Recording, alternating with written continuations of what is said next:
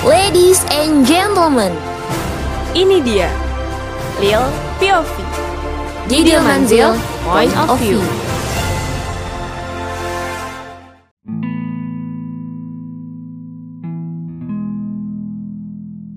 Hai Dil, apa kabar?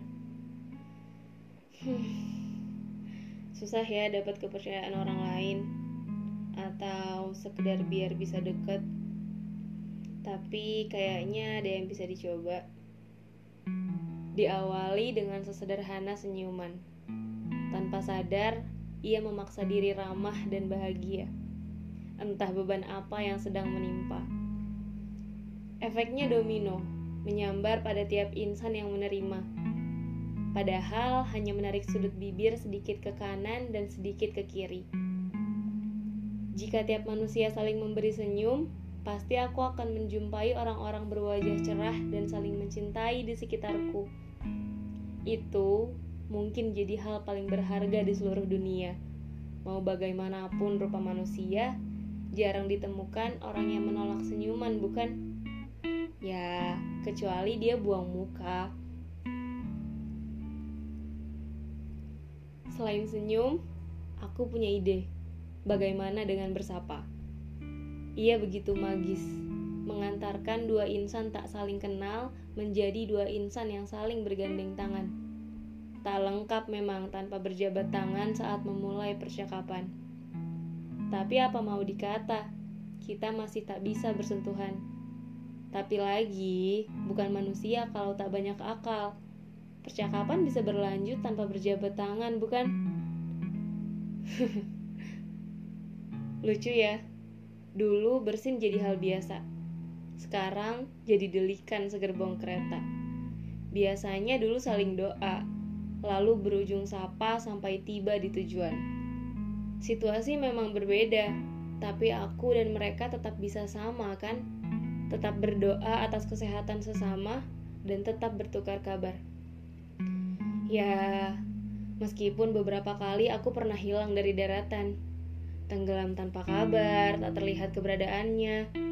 Sebetulnya saat itu yang aku perlukan hanya dicari.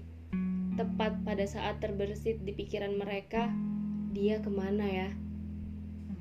Itu juga yang perlu kulakukan atas mereka. Jadi, saling mencari saat tak merasakan keberadaan satu sama lain. Aku yakin aku dan mereka ingin diberi perhatian, apalagi saat sakit menerpa. Rasanya banyak hal biasa yang jadi tak bisa dilakukan sendiri. Betapa bahagianya saat beberapa kerabat datang menjenguk. Belum lagi jika ada satu di antara mereka yang menemani dari pagi sampai pagi lagi, mengurus segala keperluan. Efeknya seperti merasa sembuh seketika. Candaan yang terlontar, buah tangan yang dihantar, doa yang dipanjatkan, atau sekedar keberadaan pun sudah melegakan. Jadi, aku juga akan berusaha ada untuk mereka kalau-kalau mereka sakit. Karena aku tahu tak enak rasanya melawan sakit sendiri. Tapi semoga mereka sehat terus ya. Lalu suatu hari bahagia akan tiba. Wisudaku, pencapaianku, pernikahanku, atau perayaan besar lainnya. Saat aku beri undangan pada mereka, tentu aku mengharapkan kehadiran mereka sebagai bentuk syukurku karena telah dipertemukan dengan mereka. Dan sudah menjadi hal wajar bukan saat pemilik pesta tak terlihat bahagia menunggu tamu undangannya yang tak kunjung datang. Ini juga salah satu bentuk kedekatan, pengaruh, dan percaya, bukan? Kemudian, hal yang paling berat bagi semua adalah kehilangan. Aku benar kan? Nanti kalau aku meninggal, rasanya sakit sekali jika tak ada yang datang mengurusi badan yang terbujur kaku kalau dibayangkan sekarang. Sejatinya, saat mereka datang melihatku kelak, mereka sedang belajar, menerima nasihat, menerima keadaan, dan merenungkan kehidupan. Bahwa tiap manusia akan pergi dan layak untuk diurus kepergiannya.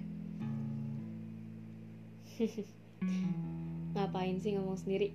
Tapi lumayan sih, jadi belajar lagi dari pikiran sendiri. Ya, pada hakikatnya setiap orang ingin dipercaya. Yang perlu dilakukan adalah melakukannya lebih dulu. Tapi ingat ya Deal, mengharap balasan manusia itu seperti berkawan dengan kecewa. Jadi, jangan lakukan untuk dibalas. Lakukan saja karena itu baik.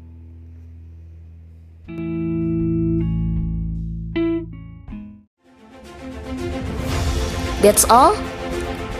Pandang sana, Pandang sini.